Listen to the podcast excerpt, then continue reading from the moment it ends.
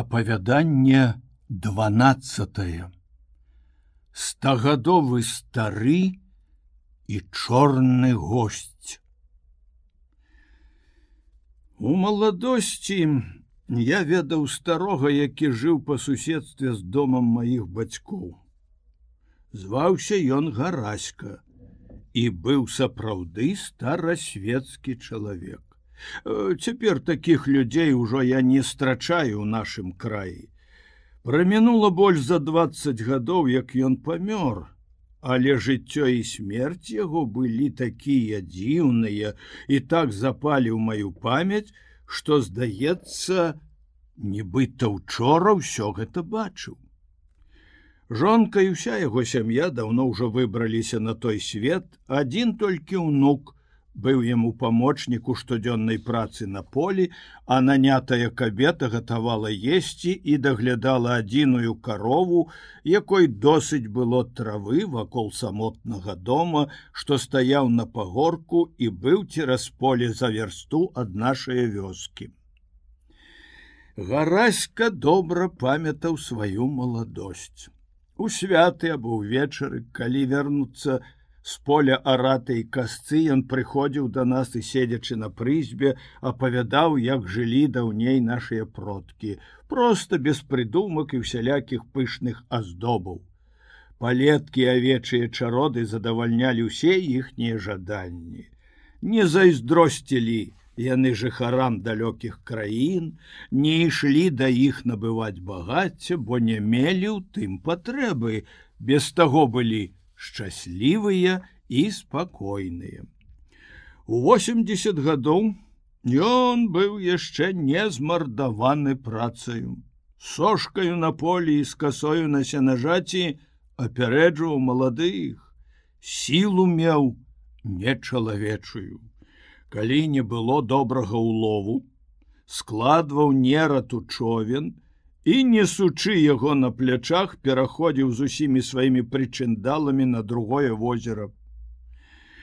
У такой сіле і заўсёды з добрым здароўем прычакаў соты год жыцця і быў яшчэ моцны, як вячысты зялёны дуб.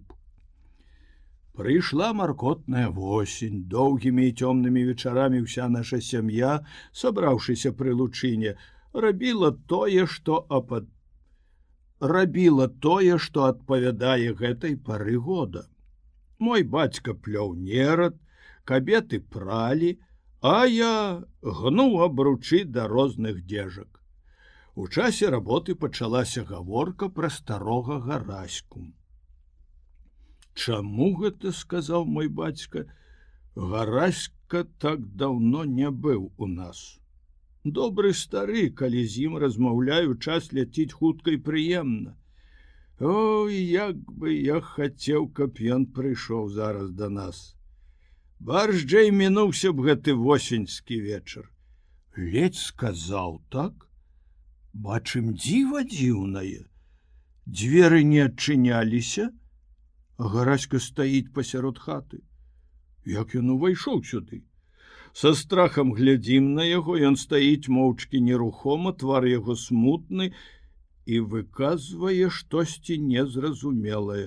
Вся постаць лёгкая здаецца вышэйшая чым зазвычай. З кожнаю хвілінай ён робіцца ў вачавіткі лягчэйшы ды танчэйшы і растае ў паветры Ува ўсіх нас опусціліся руки, дрыготка прабегла па целе, пазіраем адзін на аднаго, не разумеючы, што ўсё гэта значыць. Нарэшце мой бацька перапыніў маўчанне. Трэба будзе заўтра даведацца, што дзеецца ў гараськавай хаце, ці здаровы ён. Гэтае здань прадказвае нешта благое. Толькі сказаў гэта мой бацька, заходзіць у хату сусед хата якога стаяла на другім баку вуліцы і такую апавядае гісторыю. У гэты вечар былі ў яго госці. Пасеўшы на лавах госці і гаспадары гаманілі пра сёе ды тое.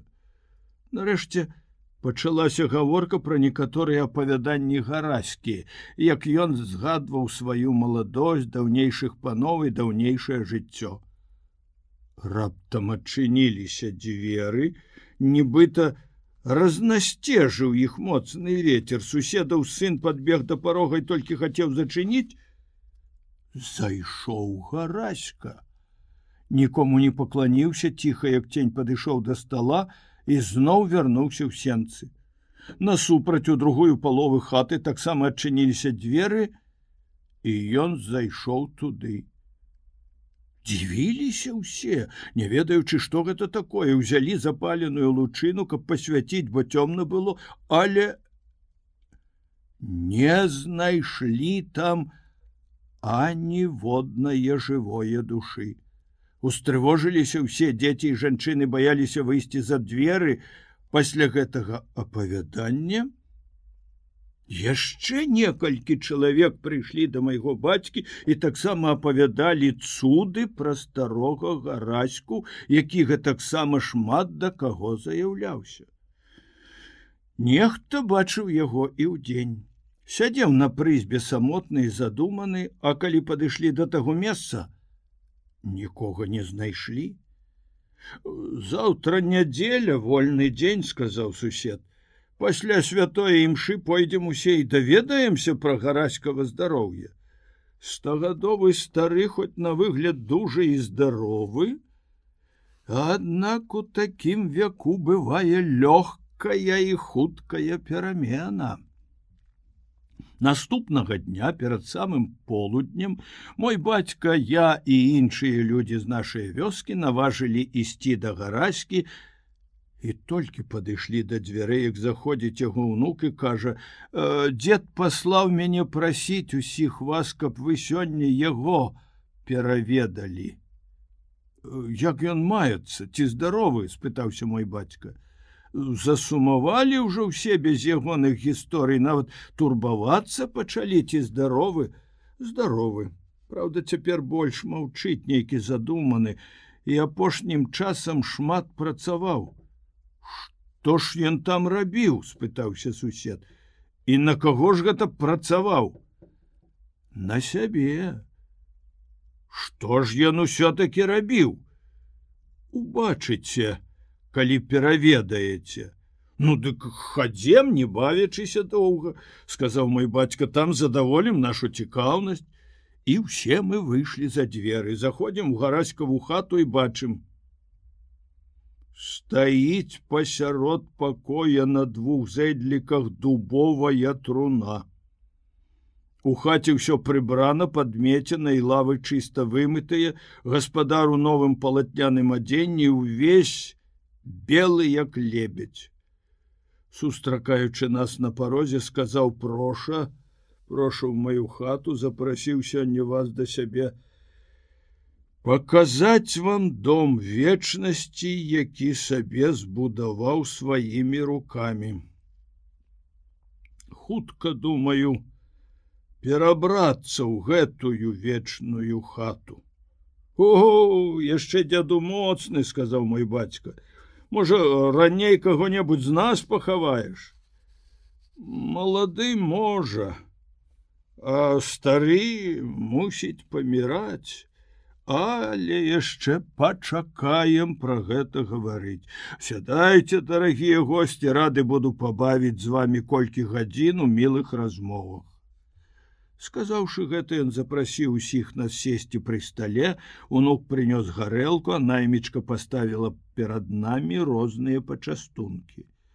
Гараська сеўшы ля нас прымушаў піць і есці а сам не крануў ані ежы ані пітва як гэта сталася деду спытаўся один гость выпіўшы кілішак гарэлкі. Что ты учора з хаты не выходзіў а людзі цябе ўсюды бачылі?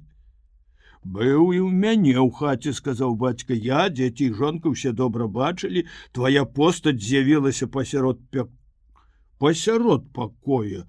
І у момант знікла заходзіў і да мяне. Не пакланіўся ані гасцям ані гаспадару а потым хутка выйшаў сенцы і схаваўся ў цёмнай палове хаты а там цябе і з агнём не знайшлі? Гараська неспакойна глянуў на гасцей, твар яго спахмурнеў, крыху падумаўшы, стары сказаў: « Будуючы сабе гэты дом, я думаў пра вас. Душа моя вас адведвала, успамінаў мінуласць і дух мой лётаў па тых ваколіцах, дзе я нарадзіўся, вырас, хадзіў па жыццёвых пуцявінах, зазнаў шчасце і гора, вясёлыя і сумныя гады, але ўсё гэта мінулася як сон кароткі. Але пэўна і не снілася старасветскім людзям, сказаў мой бацька тое, што мы цяпер зазналі. Паны любілі гаспадарыць і лепей было за сённяшняе. Шмат якім панам глядзеў я ў вочы сказаў стары адгадваў іх думкі выконваў загады дагаджаючы всялякім іх жадункам за мае паслугі дзякуй богу мне верылі і давяралі Нашы вёскі калісьці колькі разоў перапрадавалі. Шмат тут было гаспадароў і кожны кіраваў па-свойму. Ды затым часам яшчэ жылі нішто сабе. А вось калі малады пан па смерці свай бацькоў запанаваў у гэтым маёнтку казуліна, все мы зазнали гора. Хацеў здзівіць суседзяў сваёй раскошаю.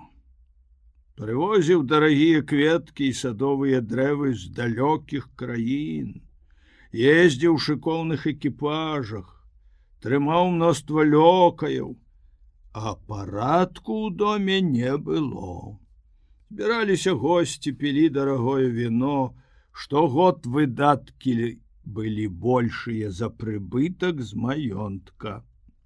Дык і пачаліся крыўды і рабункі. Дрэнны будзе з гэтага канец, сказалі абазнаныя людзі пану. Але ён не слухаў добрыя рады, больш да душы былі яму, намовы несумленных людзей, якія стараліся пакарыстацца з ягонае някемнасці. У той самы час з'явіўся ў нашым маёнтку невядома адкуль дзіўны чалавек. Я забыў яго прозвішча. Але твар як сёння бачу. Худы, заўсёды бледны, нос велізарны бровы густыя пагляд як у вар'ята вопратку меў чорную доўгую нейкую дзіўную не выпадала мне ў жыцці нікога ў такім уборы бачыць і гэты госць як неадступны тень нязменна быў з панам хваліў ягоныя ўчынкі маўляў ён бавіцца і весяліцца як і належыць сапраўднаму пану нашчадку знакамітых продкаў. Абяцаў паказаць яму нейкія цуды і адкрыць крыніцу бяздоннага багацця. Апавядаў пра цуды што дзеюцца дзесьці на караі свету кпіў з нашых звычаяў і абрадаў, якія нам дасталіся ад продку. Былі такія паны, што ўхвалялі яго думкі, а лёка і сяляне пракліналі яго і з пагардаю называлі чорным гостцем. Мінае год, мінае другі і робіцца ўсё горш і горш. Сяляне пана да звання згалелі, кінуўшы хаты, блукалі па свеце і шукалі сабе спажывы. Ды і ў панскім доме панавала бяда. Суседзі і знаёмыя, едучы па блізкіх дарогах, міналі наш маёнтак. Чорны гость прыходзіў толькі часам раіў прадаваць людзей і такім чынам збіраць грошы. паслухаўся пан. Шмат вывез моладзі ў далёкія краі. Але з гэтага не забагацеў. А гость той чорны хутка знік. Даймалі пана пра суд крэдыторы вымагаў нясплочаныя за колькі гадоў падаткі ўрад суд апісаў маёнтак і перадаў яго прызначанаму апекуну. А пану дазволілі мець пры сабе да паслуг колькі лёкаю. Сярод іх быў тады і я. Мы жылі ў далёкім фальварку, пан быў самотны. Праз колькі месяцаў я заўважыў ім дзіўныя перамены. Почасту ён гадзінамі сядзеў моўчкі на адным месцы, часта задуманы, нібыта ў роспачы хапаўся за галаву і размаўляў сам з сабою, ходзячы па пакоі, не спаў ад захаду да ўсходу сонца. Аднаго разу акурат апоўначы пачуў я пана ў голас, убачыў агонь у акне, падумаў кліча каго-небудзь з нас і заходжу ў пакой. Пан гаворыць сам з сабою так гучна быццам з некім спрачаецца. Здзіўлены, я доўга глядзеў на яго, а ён мяне не заўважаў. Нарэшце я сказаў: пачуў панскі голас, падумаў, што клічаш каго з нас. А пан быў самотны і размаўляў сам з сабою. Ён зірнуў на мяне неспакойным вокам і сказаў, паказваючы рукою на сцяну самотны: « А гэта хто?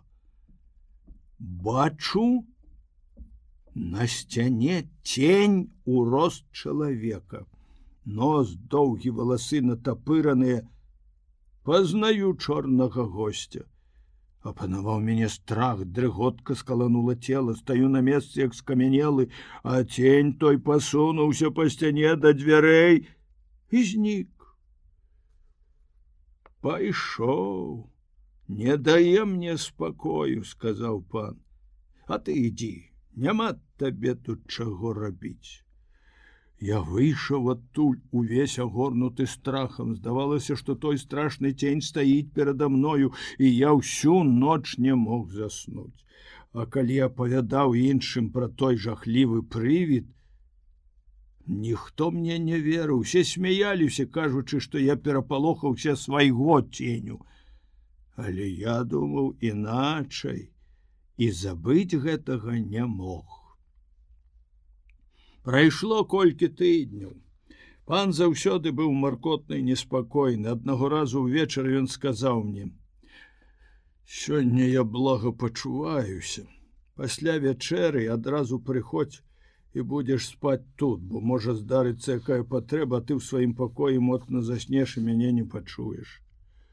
Я паслаў сабе пасцель на падлозе, патушыў агонь, ноч была ціхая і ясная, свяціў месяц, Пан не мог заснуць, уздыхаў, ставаў, сядаў, зноў клаўся.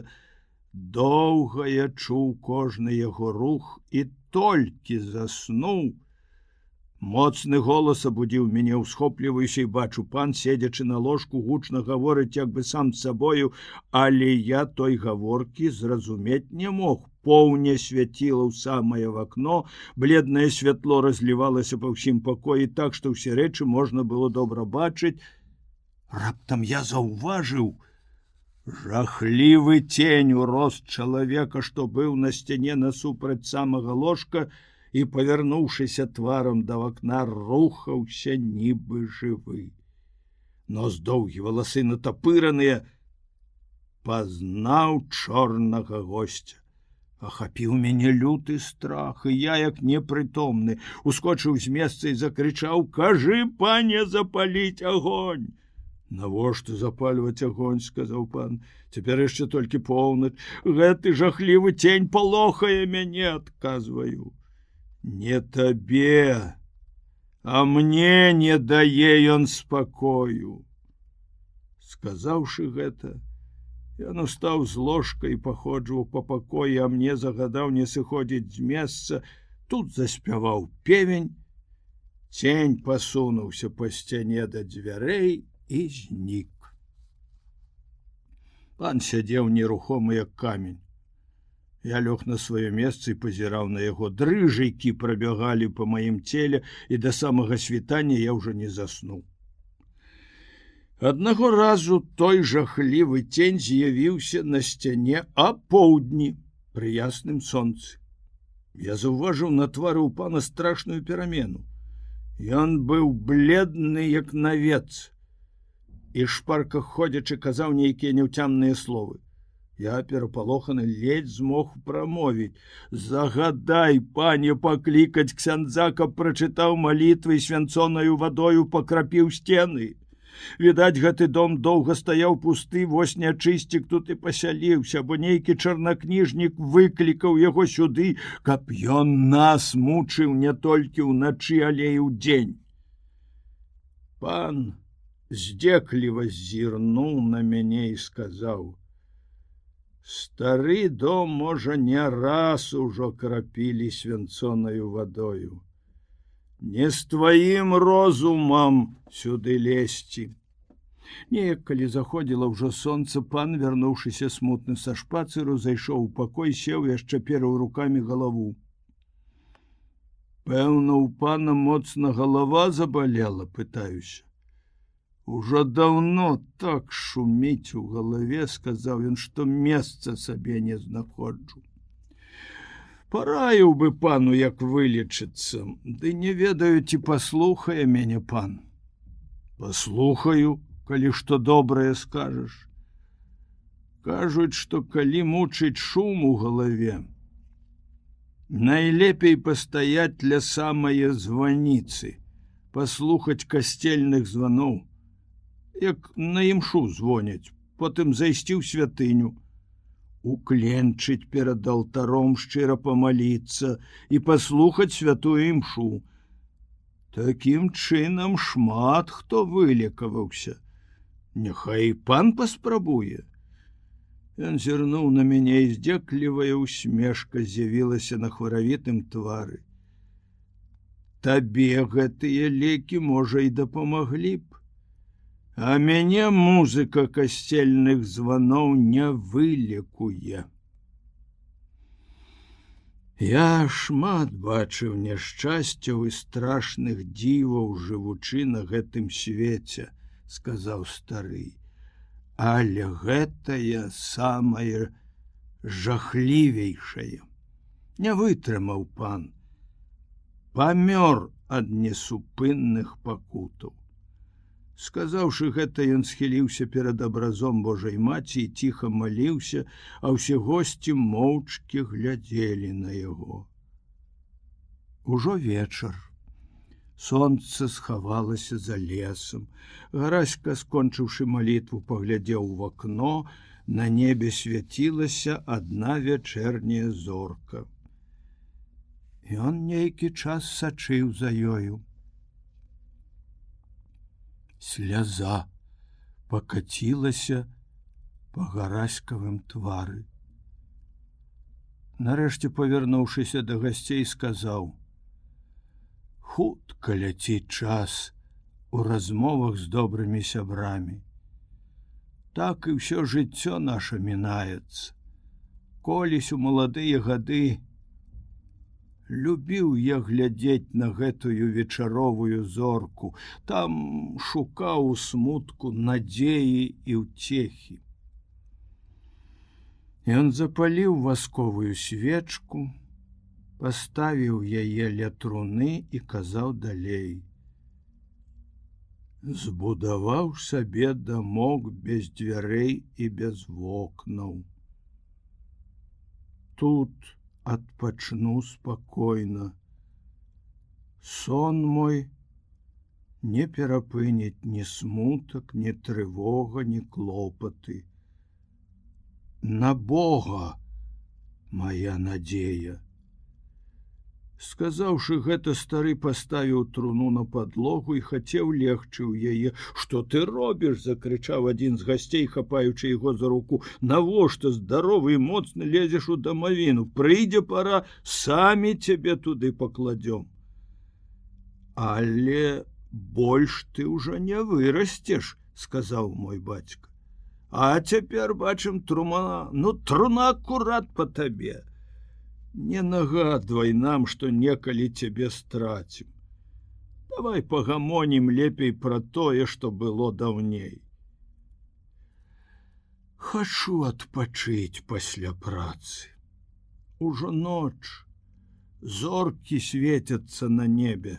Сказаўшы гэта гараська лёг у труну. Стоячы вакол глядзім на яго твар смяротна збялеў і вочы заплюшчыліся. Досыць досыць гэтыя пробы падымайся сказаў мой бацька беручы яго за руку.